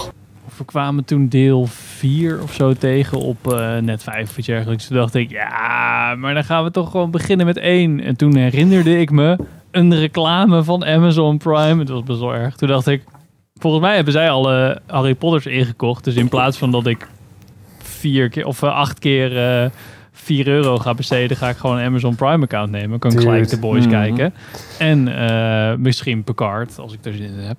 En Mhm. eh, kan ik alle Harry Potters kijken. Het nadeel is wel, ik denk dat het een foutje was van mijn tv of iets dergelijks, maar een paar films waren out of sync. Oh, dat was kut, hé. Oh, oh, de eerste vooral. Dat was echt zo dat, dat mijn vrouw zelfs het, de halverwege de film zat van, de audio loopt niet gelijk. Ik zo, nee. Oh, dat, Ja, is zo kut. Ja. dat was echt heel, heel vervelend. Maar ja, ik weet niet of iemand daar iets aan kon doen. Ehm, maar Maar het was, ik ja, weet het wel, fucking Jeff Bezos kon daar wat aan doen. Ik, ik moet zeggen dat ik bij Maar ik alle streamingdiensten... bezig met op zijn geld aan het slapen. eh. Ik heb er nog nooit problemen mee gehad, maar ik moet zeggen, bij Amazon heb ik best wel vaak problemen. Nu dan met de audio met de Harry Potters en een paar keer met ondertiteling, dat ik gewoon geen Ja. ondertiteling aankreeg. Dat daarom kost het ook maar 4 euro, denk ik. Maar dat ehm, is een AliExpress versie van Netflix. Ja. Ik vind wel, als je nu alles zo... We hebben best wel eh, snel achter elkaar gekeken. Het is wel echt... Ja, het, het, is, het is wel leuk of zo. Maar eh, Harry Potter slaat ook best wel snel om in... pff, het wordt wel tragisch gewoon. Ja, nou, ik- ik ben wel benieuwd, Henk. Want ik, ik heb voor een jaar of twee, drie geleden... heb ik dus nog een keer al die films gekeken. En toen... Ja, zeg maar, dat was de eerste keer dat ik ze dan weer echt allemaal keek... sinds ik wat ouder was. En ik had heel erg naarmate de serie vorderde... dat ik ook zoiets had van... Nee, dat het gewoon allemaal ja, niet meer echt klopte en zo. Dat het gewoon allemaal niet meer zoveel hout sneed of zo. Ik kon er niet zoveel meer mee. Die eerste films waren nog wel leuk, want die waren vrij kleinschalig. Maar vanaf ongeveer deel 5, dat het echt heel groot en episch wordt... en ook allemaal in elkaar gaat overlopen... had ik echt zoiets dat er ook heel veel inconsistenties in zaten. En dat ik dacht van, ja, maar waarom... Waarom grijpt die fucking Dumbledore niet in? Weet je wel, want die zit daar gewoon te zitten het hele jaar. Ja, ik, ik stoorde me daar heel erg aan op een gegeven moment. En ik- die latere films, daar kon ik ook eigenlijk niet meer met heel veel plezier naar kijken daardoor. Ja, maar het zijn ook, ja, ik zou wel veel Harry Potter fans een beetje eh, tegen hun eh, verkeerde been aanstoten of zo. Maar die laatste films zijn ook gewoon niet super leuk om naar te kijken. De eerdere films hebben nog een soort van die magie, letterlijk en figuurlijk, van zeg maar, oh ja, teenage boy, dat die een Ja. beetje zijn krachten leert kennen en je gaat een beetje mee, zeg maar, met hoe dat op school gaat. En die laatste films zijn dan gewoon echt zo'n heel, ja, CGI-fest. eh. ja, maar ook zeg maar wat hij allemaal moet doen. En het is allemaal best wel zwaar. En ja, dan gaan ze weer een soort oorlog in. Wat we tegenwoordig misschien veel vaker hebben gezien. Dat alles weer zo helemaal. Zeg maar ook met, met, eh, met Star Wars en zo. Dan echt oh ja, dan gaan we nu zo'n hele grote slag doen met elkaar. Dan, ja, dat was bij Harry Potter ook op het laatst. Dan, ja, we hebben ook wel een paar keer gehad dat ze was van, maar waar, wa- waarom is Harry Potter nu opeens daar? En waarom doen ze dit? En in de boeken had ik het, ja, ik heb de boeken ook heel lang niet meer gelezen, dus had ik het idee van, oh, volgens mij is het beter uitgelegd, maar ik kan het me niet meer helemaal herinneren. Nou, Maar- ik weet niet. In mijn herinnering zaten er gewoon echt een paar echt hele grote eh plotholes dingen. En inderdaad gewoon dingen die niet klopten. Gewoon personages die absurde keuzes maakten en zo. Die niet per se aan de films gerelateerd waren, maar gewoon echt aan het slechte schrijfwerk. En dat durf ik te zeggen, slechte schrijfwerk van J.K. Rowling. Nou ja, wat, wat me voornamelijk verbaasde, als, als ik dat één ding kon, kan noemen die ik echt heel raar vond, was dat. ehm, nou, het was een heel plot in de laatste films dat Snape moest Dumbledore vermoorden, want dan had hij de Elder Wand van Dumbledore. En later komt Harry Potter erop terug, want die heeft dan bla bla bla, heeft die Elder Wand in zijn hand. Toen zei hij nee, want Draco die heeft hem ont, eh, ontwapend met zo'n Expelliarmus eh, spreuk. En die had dus de Elder Wand. En later heb ik hem ontwapend. Dus ja, toen heb ik de Elder Wand gekregen. Ik echt dacht van... Hè, maar zo is het niet hoe het werkt. Dat heeft helemaal niemand zo uitgelegd. Je moest die andere gast vermoorden. Dat was in het sprookje zo. En jij gaat nu lopen zeggen dat je iemand gewoon met ontwapen... Jij bent vast in, in... Terwijl je aan het vechten was in het kasteel ook een paar keer ontwapend. Dat betekent toch ook niet dat die gast opeens de Elder Wand heeft? Waar Nee, ja, je maar nou over, Harry Dat Potter? soort dingen bedoel ik dus precies, inderdaad. en ook het feit dat gewoon in de fucking derde film wordt een, een tijdmachine wordt daar gewoon als Ja. plotpoint gebruikt. En er zijn daarna nog heel veel momenten waarin dat heel handig was geweest. En dat terwijl die fucking Hermione die zit gewoon op dat ding en die doet er niks mee. Dan denk Ja, ik van, misschien ja, dat, hebben ze die weer in de kluis gestopt. Dat Ja, heb je ook met dikke eh, lul. Ik hoorde ook mensen klagen over die onzichtbaarheidscape shit. Zo van, dat gebruiken ze ook één keer. Ja, Dat soort ja, shit. Oh ja, ook een paar keer. En, en nooit op super cruciale momenten inderdaad. Maar is dat boek dan anders? Wordt dat daar dan wel go- goed gebruikt? Nee, nee. of is nee, dat hetzelfde probleem? Nee, dat heeft dezelfde plotproblemen, zeker. Ja. Ik denk dat, ze, dat de laatste film zeker wel wat dichter bij de boeken zijn gaan staan. En zeker met die... ehm, ja, de derde, derde, vierde, volgens mij. Dat die nog een beetje, zeg maar, creatief omgingen met het boek. En, en wat ook creatief omgingen met film. En die David Yates, die is echt zo super... Het voelt alsof hij heel erg geïndoctrineerd is door J.K. Rowling. En eh, nu ook dus die Fantastic Beasts eh, doen. En op zich zijn ja... het is- ze slopen wel of zo, maar het, ja... Ik, ik had Ja, wel ik weet daarna, na de laatste film, wel zoiets van... Oké, Nou, Dus, dus dit was het. dit Ja. was hem. Ja. En niet Hm. zoiets van, ja, dat was super vet. We hebben weer... Nee, ja, ik had dus precies hetzelfde van holy shit, he- heb ik dit nou... Is dit nou de rode draad geweest door mijn, door mijn, eh, door mijn jeugd, waar ik iedere keer zo fucking hyped om, om was, weet je wel? Dan kijk, ik- kijk ik het nu en dan, ja, dan zie ik dat echt niet meer. Nee. Ja, had je maar moeten opgroeien met Jurassic Park en zo. Zeker. Ja, jammer. Een stuk beter om mee op te groeien. dat zal ik zeker niet ontkennen. nee. Hé, maar wat is dan de beste Harry Potter film? Want ik, moet- ik, heb, ben, eh, ik heb nooit verder gekeken dan vier. De Goblet of Fire is vier, hè? Ik vind persoonlijk drie de tofste. Omdat die, die is door Alfonso Cuarón eh, geregisseerd. En die heeft gewoon echt de... Ja, die heeft een hele eigen smoel. Eh, ik vind die, die loopt lekker. Het is een, het is de, ik denk ook de Harry Potter film die het meest op zichzelf staat ook. Eh, ik vind het gewoon een hele leuke film. Het is een beetje een... een, een, een- ja, het, de uitschieter in de franchise. Die, die, zeg maar, het voelt een beetje aan als een stijlbreuk ook. Maar ik vind dat persoonlijk wel de leukste en de beste ook. Zal het Ja, ook komen door die eerste regisseurswissel dan? Want natuurlijk, Chris Columbus heeft die eerste twee gemaakt. Ja. Ja, die eerste derde. twee zijn een soort van bijna kerst... Ja, die zijn gewoon leuk. Gewoon gezellig. beetje van die gezellige leuke films. Jaren Dat is 90 knullig. kinderkerstfilms inderdaad. ik zit even te kijken welke ik, ik heb gezien. En die derde is inderdaad gewoon... Er is ook een hele mooie Nerd Rider eh, aflevering op YouTube te vinden over deze... eh, over waarom de derde dan interessant is om te kijken. Ook om ermee op te groeien. En dat, dat die gewoon filmtechnisch ook best wel tof is. Ja. Ehm, er zitten af en toe echt wel wat rare dingetjes in. Ook zeker op het laatst met dat dan de weerwolf en zo komt. Maar het is wel gewoon echt vet gedaan. Ook met dat, de, ja, ook met de tijdreizen en zo. Is echt Ja. wel, het is gewoon slim. Gewoon echt wel een paar slim. En dat doen ze op zich. Wat ik dan wel weer, als je dan allemaal gezien hebt. En eh, wat, wat neem je dan mee? Vind ik wel. De eerdere films hebben in ieder geval heel veel dingen die ze goed planten, zeg maar. Waarin je later, als je erop terugkijkt, echt zit van... Wow, dit hebben ze echt wel... Ja, dit is echt wel even slim geregisseerd. Dat je nu zie je dit gebeuren en eigenlijk snap je nog niet waar dat over gaat. En dan straks komt het terug en dan denk je... Oh, nu snap ik het wel. Ja. Heel simpel uitgelegd. Ja. Ja, Ja, ik, moet het, ik moet het nog een keertje afmaken, de hele reeks. Ik heb twee keer ben ik gestart, ben twee keer gestopt bij vier. Dat is niet omdat ik het geen zak aan vond, dat is iedere keer omdat er wat anders kwam of dat het te veel bij filmdomein lag, dat ik toch wat andere films moest kijken en daardoor verschoof het weer. Oh, is Ja. vier met die... eh, met dat spel of zo? Ja, dat is met zo'n eh, zo'n soort van tournament is dat. Ja, Een wat ook super eh, aflevering. is. Dat is ook zo'n raar. Ja, ik vind 4 echt by far, en niet alleen de film, maar ook gewoon het boek, de kutste uit de hele serie. Het heeft niks met het verhaal te maken, inderdaad. En er zitten ook wat rare, want de, ik zal het stukje er even in doen. Dan heb je ehm, dat, eh, nou ja, Harry, Harry heeft dan niet zijn naam in de, in de beker gedaan. Maar op het moment dat je zeg maar je naam in de beker hebt gedaan, eh, als meerderjarig of als, als eh, oudere volgens mij, of als je ouder bent dan Nee, je 17, moet volgens mij minimaal 13 of zoiets zijn. Oh, zoiets. Een leeftijdsgrens. En hij, hij, eh, ehm, hij kan daar niet aan voldoen, zeg maar, want hij is te jong. Maar dan komt toch zijn naam uit die beker. En dan komt Dumbledore echt op hem af als een soort van... van echt zo van... Woeste Did you vader." put your name in a cup? Echt, boy! Echt Harry, I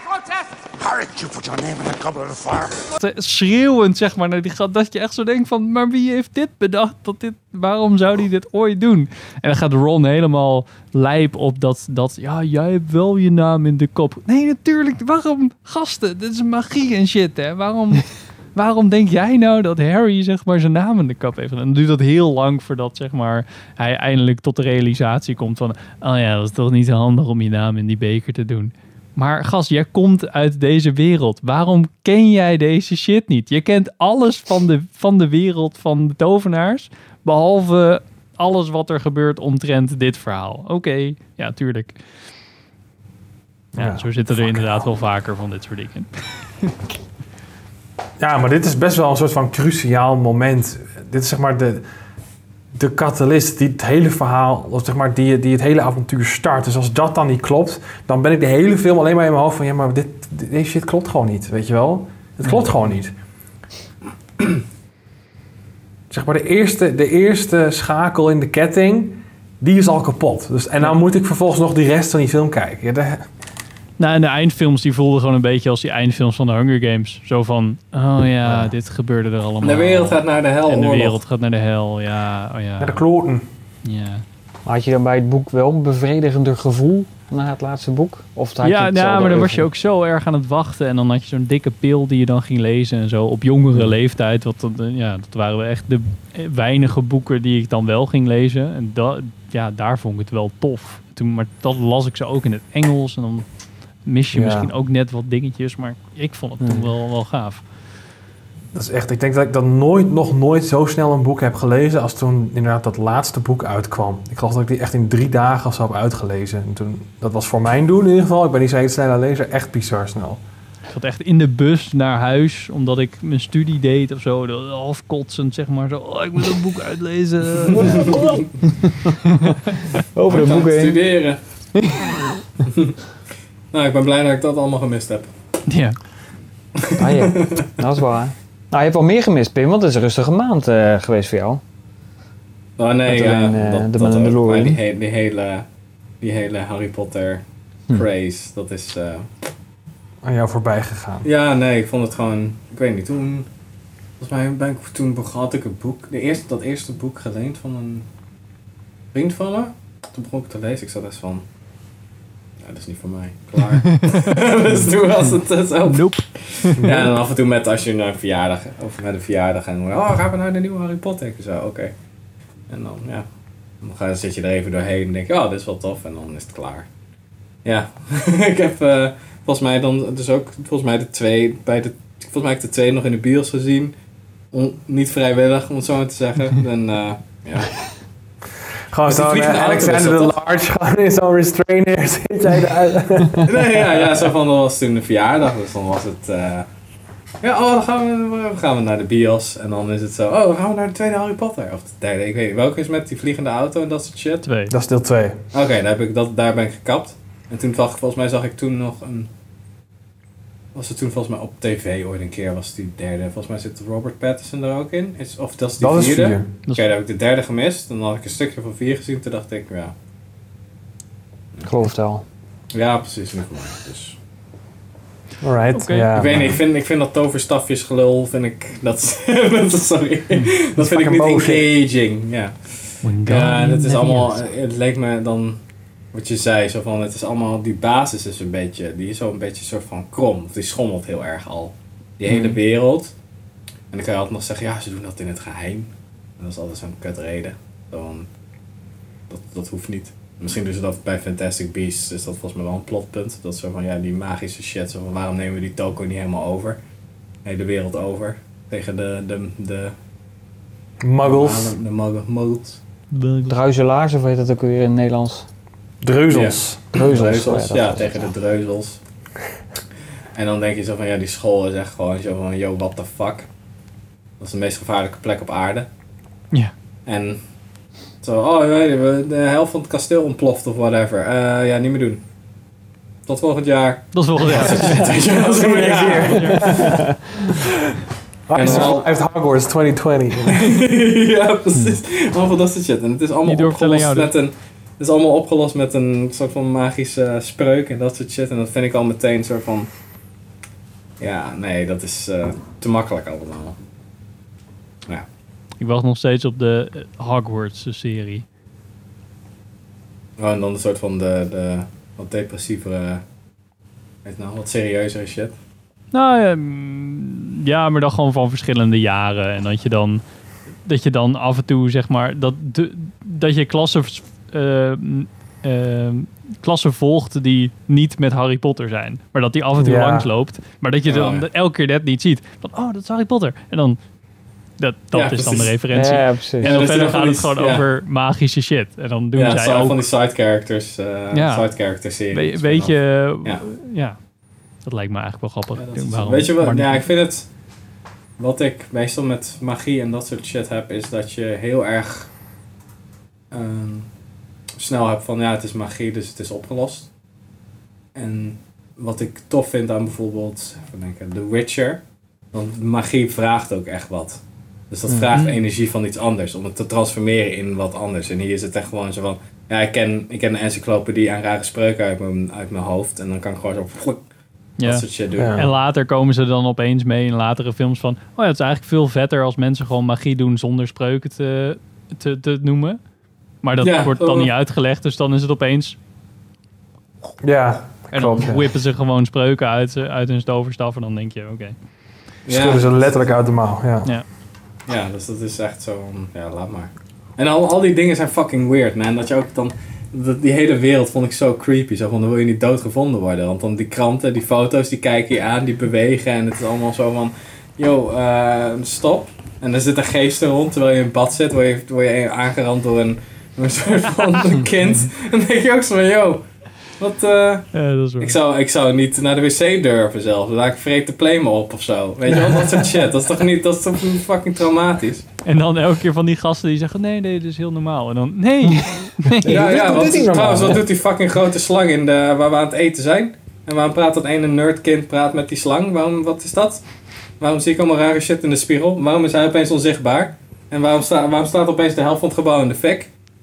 En waarom Nee, de dat- zwerkbal? Wie, wie, wie heeft de regels verzonnen? Ja. Wat is dat voor kutsport? En je oh, kan dan kan iemand bijna zien. doodgaan aan een zwerkbal. Oh ja, nee, prima. Het is alsof je... Zwerkbal is alsof je tennis kijkt veel te dichtbij op een IMAX-scherm. Dus je zit echt zo... En dan vliegen ze buiten de fucking ring. En dan denk je, oké, en dan is dat die... Dat, eh, dat eh, gouden... Snitch. gouden- ja, die snitch. Die kan je dan pakken, maar dat zie je dan ook weer niet. Nee, die is ook veel te klein, ja. Klopt. Waar hebben we het over? Dus ik denk echt zo, ik vond die worldbuilding al gewoon niet boeiend. Dus ja, dus dan houdt ze nog op. Sorry, Harry. Potter fans. Sorry. Thank you for coming to my TED Talk. Want, Ja. ja. ja, gelukkig hebben we niet zoveel Harry Potter fans, dus dat scheelt. Ja. Richard, Ja, hoe maar waren de piraten van hierna, hiernaast? Van het hiernaast. Nou, die piraten van ja, ja, die waren leuk. Er ligt een piratenschip in de straat. Oké. Eh, Eh, Henk, dus jij ja. hebt... eh, nee, het is een Nederlandse film eh, met uh, Tycho Gernand en Egbert Jan Weber. En eh, het is ook, is ook een boek, een kinderboek, waarbij er gewoon een piratenschip eh, in de straat belandt. En dat is dan een, eh, een van de nieuwe buurtbewoners. Dus dat clasht met de... Ik moet even goed zeggen, dat is een dorpje aan zee en dat heet... Nou ben ik het even kwijt. Iets van Duin aan Zee of zoiets. In ieder geval zo'n mooie naam die erbij past. Eh, en het is gewoon een heel ingedut dorpje en een jongetje woont daar en zijn beste vriendje is net verhuisd, is helemaal alleen. En dan op een avond ligt er in één keer een piratenschip in de straat met een nieuw gezin en die komen daar wonen.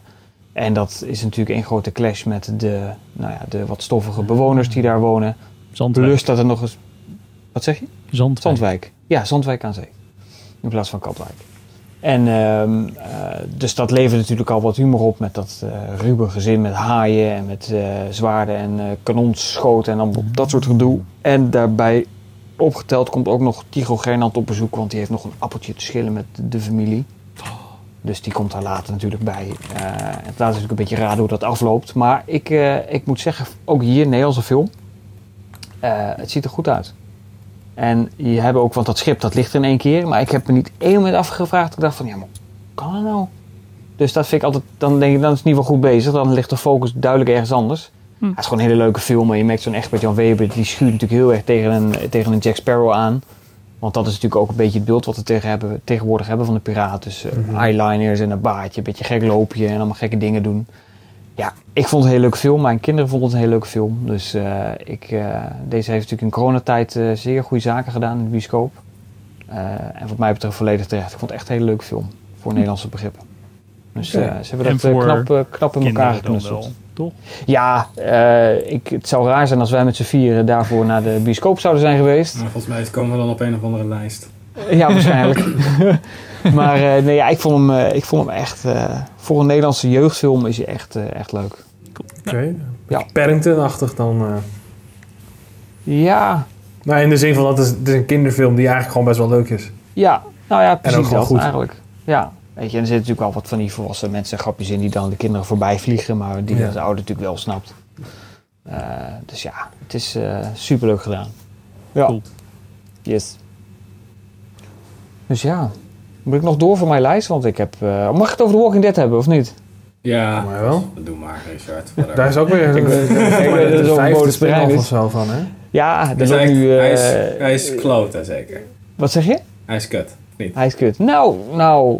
eh, Welke, hoeveelste versie is dit? Nou, nee, je hebt The Walking Dead. En hij kreeg op een gegeven moment vier The Walking Dead. Dat was de eerste spin-off. En nu heb je The Walking Dead World Beyond. Dat is nog een derde spin-off. Of tweede. Daarbij hebben ze gezegd dat het is maar twee seizoenen. En die gebruiken ze omdat ze ook nog drie Walking Dead films willen maken. dus deze gelden een beetje als een soort van Maak inleiding naar, corona. eh, naar die Dead films. Dat komt namelijk omdat je hebt de groep overlevers van The Walking Dead. Waar eh, Rick Grimes natuurlijk de grote, de grote man altijd was. Eh, Andrew Lincoln, de, de Engelsman. Maar die heeft op een gegeven moment de brui aangegeven. Want hij miste zijn gezin omdat hij zoveel maanden in Amerika zat. Hij wilde langer in Engeland blijven. Hij is de Oh, serie uitgegaan. niet hij is de niet film, doodgegaan. maar gewoon in nee, precies. Serie is hij dan doodgegaan. Ah. Maar we weten allemaal dat hij daar gevonden is. En hij wordt met een helikopter gebracht naar een andere community. Van 200.000 overlevers. En daar zit de CRM achter, Civic Republic Military. En die willen een nieuwe wereldorde in natuurlijk de wereld die al naar de kloot is. En dat zijn een beetje boefjes, om maar zo te noemen. En die krijgen in deze serie wat meer achtergrond. En daar gebruiken ze twee seizoenen voor. Ze hebben ook gezegd, het zijn twee seizoenen, daar moet je het ook mee doen. Dus hij loopt nu op Amazon Prime. Of tenminste, wij kunnen Oh, hier via Amazon kijken. kijken. Dus Henk kan ook lekker volgen. En eh, ja, het is, God. het is, het is niet, eh, je, ik zou bijna willen zeggen, kan ook zonder. Maar er zitten toch weer dingen in dat ik denk van nou, het is wel fijn dat dat CRM, wat ik net zei, dat ze dat iets proberen te verbreden. Dat maakt waarschijnlijk die films ook weer wat logischer straks. Als die er ook komen, want die zijn nog steeds aangekondigd, maar er is nog geen eh, minuut geschoten of nog geen seconde Zal wel, staat op eh, film. Dus staan. En dat wat is maar de vraag hoe dat, eh, The Walking Dead Red Machete? wat zeg je nou? Volgens mij, je hebt echt iets van 2800.000 verschillende mini-verhaaltjes. Oh. Want dat is volgens mij een short van dat je de machete die Rick gebruikt om zo'n kannibaal om te leggen in die kerk. Mm, daar. Die, eh, ja. die zie je dan de hele geschiedenis van die machete. Dus dat die te koop is ergens en dan heb je dus die Ah. hele, dat, Ja. dat gedoe. Oh, maar het zijn wel... Het is wel één seizoen met negen afleveringen. Ja, we Serieus? zitten nu, eh, as we speak, eh, bij acht. Dus nog even is het alweer klaar. Oké. Maar eh, het is eh, bijzonder hoe ze bij eh AMC omgaan met The Walking Dead. Want de serie loopt qua kijkcijfers eh, drastisch achteruit. Dat was ooit op zijn hoogtepunt geloof ik 17 miljoen. Dat zijn er nu nog iets van drie of vier over. Maar eh, blijkbaar wordt er heel veel gekeken via streamingdienst. Wat dus de reden is dat de serie nog steeds eh, verlengd wordt. Hoewel nu seizoen 11 ehm, volgend jaar het laatste is. Dus we krijgen nu nog zes afleveringen in begin 2021. En dat is een overbruggingsseizoenetje tussen 10 en 11. En dan vanaf 11 gaan we de boel in 24 of 22 afleveringen afsluiten. En dan is de serie, de moederserie in ieder geval klaar. Dus, eh, en dan heb ik een zwart gat en dan weet ik niet meer wat ik moet doen. met mijn leven. Ah. Ik vond nog steeds, ja, ik, ik heb het eerste seizoen vond ik echt tof destijds. En ik heb Ja. de, de tweede volgens mij nog gekeken. En de derde hield ik gewoon niet meer vol, joh. Hmm. Maar ik heb het nog gered tot seizoen... Ik weet niet, toen, eh, spoilers, toen Carl doodging. Oh, dat is nog eh acht of zo. Ja, precies. Maar Carl Carl ook volhouden. dood? Serieus? ja, godzijdank, veel te laat. Dan zijn dus al die originele lui zijn dood. Nee, want, Nee, want Daryl zit er nog in. En Carol Nee, ja, nee, maar ik bedoel, eh, dit- dit, zeg maar Rick en zijn vrouw en Carl. Dat waren toch de head honchos, zeg maar. Die zijn allemaal dood dan. in. Eh, ja, nou ja, Ja, Rick natuurlijk Rick niet. Die is er nog dat- steeds. Rick Grimes is niet dood. Je zei net Nee. dat hij dood was. Nee, ja, dat denkt de groep. Maar hij is dus opgehaald met een helikopter. Oh, hij is stiekem niet dood. Oké. Hij is soort van... Hij is gewond geraakt. En eh, dus de andere, hij heeft zichzelf opgeofferd om een brug op te blazen. Waar duizenden van die walkers kwamen. Hij heeft zich van Ja. druk op een knop en dan boem, blug. Daar is hij zelf ook mee dood gegaan. Maar hij is uiteindelijk gevonden aan de rand ergens van het water. En toen hebben ze hem meegenomen in die helikopter. Omdat hij eh, een soort van valuable eh, overlever is. En nou, dat is wat je ziet. Dus je ziet hem met de helikopter nog wegvliegen. En dan is dat het einde van, van Rick Grimes. Hij is een soort van in de ijskast gezet. Dat als hij ooit nog eens een keer zin heeft, dan kan hij nog terugkomen. Dat is Nou ja, het idee was dus dat je dus nu in die drie films die aangekondigd zijn, ziet hoe Rick Grimes in die nieuwe community zijn leven eh, opbouwt. Ver weg van zijn eh, dochter en zijn eigen, of zijn, en zijn familie en zijn vrienden natuurlijk. Als die, eh, de films uiteindelijk van gaan komen, dat is. Maar-. World Beyond. Ja, ehm, het is leuk dat het er is, maar dat had niet gehoeven. laat, ik, het- laat ik het dan zo samenvatten. Ja, het, is ook, eh, het zijn ook eh, eh, vier, ja, vier jongeren en twee wat volwasseneren. Want eigenlijk wat het, wat het idee is, zij wonen in een... eh, dit is tien jaar na de uitbraak, dus ze wonen in een community, daar zijn ze opgegroeid. En hun vader is een soort van wetenschapper en die is door dat CRM opgehaald om ergens wetenschappelijke dingen te doen. En ze krijgen een soort van morsecode door die die vader heeft, een soort van kastje thuis achtergelaten, waarbij ze toch nog kunnen communiceren, want dat mocht eigenlijk niet. En daar krijgen ze dus mee van, dat gaat het niet goed en eh, ik ben in gevaar. Dus die kinderen besluiten om eh, die kant op te gaan. Dus die reis van, eh nou ben ik even kwijt waar ze zitten, maar ze gaan in ieder geval naar New York toe. Daar moet dan die vader zitten. Daar vertrekken ze naartoe. En wat zij niet weten is dat op het moment dat zij de community verlaten, kleine spoiler misschien, maar dan wordt een hele community, zullen we zeggen, vermoord door dat hele CRM eh, gebeuren. Maar dat weten Oh. zij niet. Lekker. Dus dat geeft een beetje aan hoe gevaarlijk dat CRM is. Dat iedereen die niet doet wat volgens hun valt in de nieuwe wereldorde, die wordt gewoon meteen eh eruit getiefd. Eruit geknikkerd. En dan liefst de hele groep, want dan heb je van niemand last meer. Dat je nog een keer een backstabber hebt die dan toch nog eh, de eer van de groep wil redden. Die heb je dan ook eh, over de kling gejaagd. Ja, ja precies. Dus het is, ja, ik vind het leuk dat het er is, maar kan ook prima zonder daar niet van. Oké. Goed, nog steeds een Walking Dead. Dus ja. En dat was het voor deze maand. Cool. Tenminste, Nou. hè? De enige met een redelijk lijstje nog. Ja, nou ja, goed, het verfilmde mij natuurlijk wat films binnen gehad. Hè. De Current Ja, War zo. nog, die eh, over Thomas Edison. Dat duurt een rating op IMDb. Waarvan? Van, Ja. eh. Ja, dat zijn allemaal vijfjes. Dat is niet heel... Vier. eh, Vier, ja. Ja, dat is ja, een vier. dat is niet heel sterk. Maar ja, goed, dat is wat het is. En, ehm, dus ja, dat was het een beetje eh, de hele maand. Eigenlijk. Voor mij en voor jullie. was hem dan. Of wil jij nog iets zeggen, Richard? Of eh, Sander? Ja, nou als jullie nog benieuwd naar zijn naar een van die dingen. Ik heb even zeggen. Eh, ik hoef er verder niet per se iets over kwijt. God Forgives. Ah ja, die heb ik al gezien. Die nog Ja. wel, I know it's hard for you. You've lost your brother. Ja, ik weet dat ik, dat ik die zag eh, toen die uitkwam. Dat was natuurlijk na Drive. En eh, dat ik dat, die ontzettend tegen vond vallen. Want ik vond er echt geen reet aan toen die uitkwam. Ja, dat hoorde ik van iedereen. En ik keek hem en ik dacht echt van... Ja, dit is best wel tof. Ja, nou ja, goed. Ik zag hem dus, zag hem dus nu. Eigenlijk voor het eerst dus sinds die uitkwam. Volgens mij was dat 2013. Dat is een tijd geleden. Ja. Eh, en inderdaad, ik vond hem nu best wel, best wel oké. Nog steeds wel. Ik bedoel, Nicholas Winding Refn heeft natuurlijk altijd heel veel dat hij gewoon met beeld werkt en heel metaforisch en zo. Dus dat je echt best Ja, wel het een is soort alleen van symboliek. Eigenlijk wat zelf na moet denken. Of zo van, oké, wat, wat denk ik dat dit betekent? Dat was hier wel heel erg, zeg maar. Mm, Ja.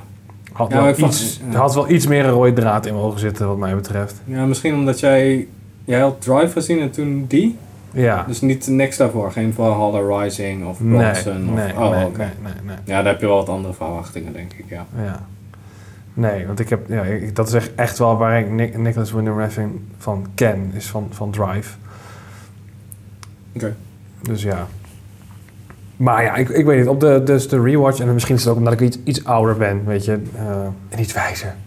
dat ik hem nu iets beter trek, dat ik er nu wat meer mee kan dan toen ik hem voor het eerst keek. Want toen was ik, nou 2013, toen was ik eh 17 of zo? Wow. 18. Oké. Broekie. Maar altijd even wennen, hè, als hij dat zegt. Ja, dat is shocking, hè? Nee, maar ik kan me herinneren dat volgens mij de eerste film van Nicholas Winding Refn die ik heb gezien was Bronson met eh, Tom Hardy. Oh ja. Die vond ik zo vet. En toen had ik daarna Valhalla Rising gekeken met Mads Mikkelsen. Oh, die, pff, die film was echt cool. Toen Drive. Ja. Dat ik echt zo, oh my god, deze shit is echt, die gaat alle kanten op. Ja. En Holy God Forgives en toen ook de Neon Demon. Dat is echt zo Ja. holy shit. Ja, het is altijd zo, het heeft altijd iets, iets... Zijn films hebben altijd iets cools. Ze zijn niet altijd goed. Of in ieder geval een soort van goed goed, het zo maar te zeggen. Tussen Maar het, aanhalingstekens, zit altijd, ja. ja, het zit altijd een soort van...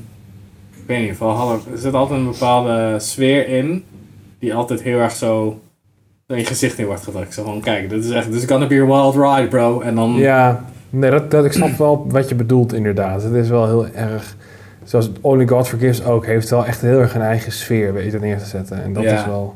Ik vind die scène tussen die eh Thaise politieagent. Dat is een soort van politieagent. Maar het is natuurlijk een soort van god eigenlijk. Ja, ja, ja, ja. ja, En, ja. en, en, ehm, en Eh, de, onze, onze, Ryan onze Gosling. bro- ja, Ryan Gosling.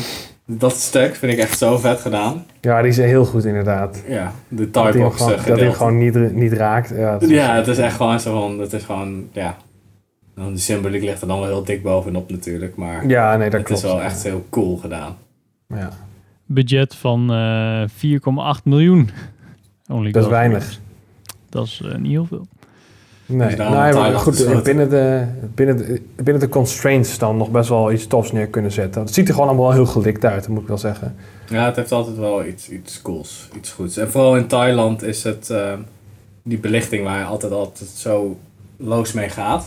Wat je ook Ja. in die Indienen zag, dan kan je dat hier heel goed doen. Want dat is, gewoon, dat is eigenlijk gewoon de wereld waarin je zit dan. Ja, klopt. En bij Valhalla Rising is het juist die hele... Die landschappen en zo waar ze komen en een soort van... Dat, is, dat heeft allemaal een soort van... Meteen zo'n stempel of iets, iets wat bij mij in ieder geval altijd wel indruk wekt. Op dat Ja. gebied. Nee, ik snap wat je bedoelt. Hij zoekt wel altijd dingen uit waarbij hij echt kan losgaan met het licht. Waarbij het ook gewoon door de, in de setting past, inderdaad. Bij Ja. Drive had je natuurlijk heel veel die donkere... Gewoon dat hij in het donker reed en dat je dus door de omgeving die belichting had. Ja, precies. En bij, bij de Neon Demons had je natuurlijk inderdaad letterlijk bij die, bij die foto set, fotoshoots en die sets en dergelijke. Ja. Dus daar kon hij eigenlijk gewoon doen wat hij, wat hij wilde. Ja, heel vet. Het is wel een andere eh, cinematograaf. Ja, dat kan wel kloppen, Only ja. God Forgives heeft ook eh Eyes Wide Shut gedaan. Nee, serieus? De, What the de, fuck? Oké. de cinematograaf, hè, even. Ja, nee, dat snap ik. Maar Oké. nee, dat is een Kubrick film namelijk. Dus vandaar dat ik... Oké, Ja. dat had- die zag ik niet aankomen. Dat is wel interessant. Oké. Cool. Secrets revealed, Brick. The more you Ja. know. Oké, nou, dit was, denk ik, deze aflevering van Filmers. De volgende afleveringen die jullie kunnen gaan kijken is dus de livestream van onze Filmers Film Quiz nummer 3, de kerstspecial. Dus trek je foute kersttrui maar aan en ga klaarzitten 18 december voor de Filmers Film Quiz kerstspecial. Hoop dat jullie allemaal meedoen. Super vet. Dankjewel voor het kijken en luisteren. Eh, vergeet niet te subscriben of een leuke reactie of recensie achter te laten. Dion, kom je prijs ophalen. En tot de volgende aflevering. Later. Later. Al.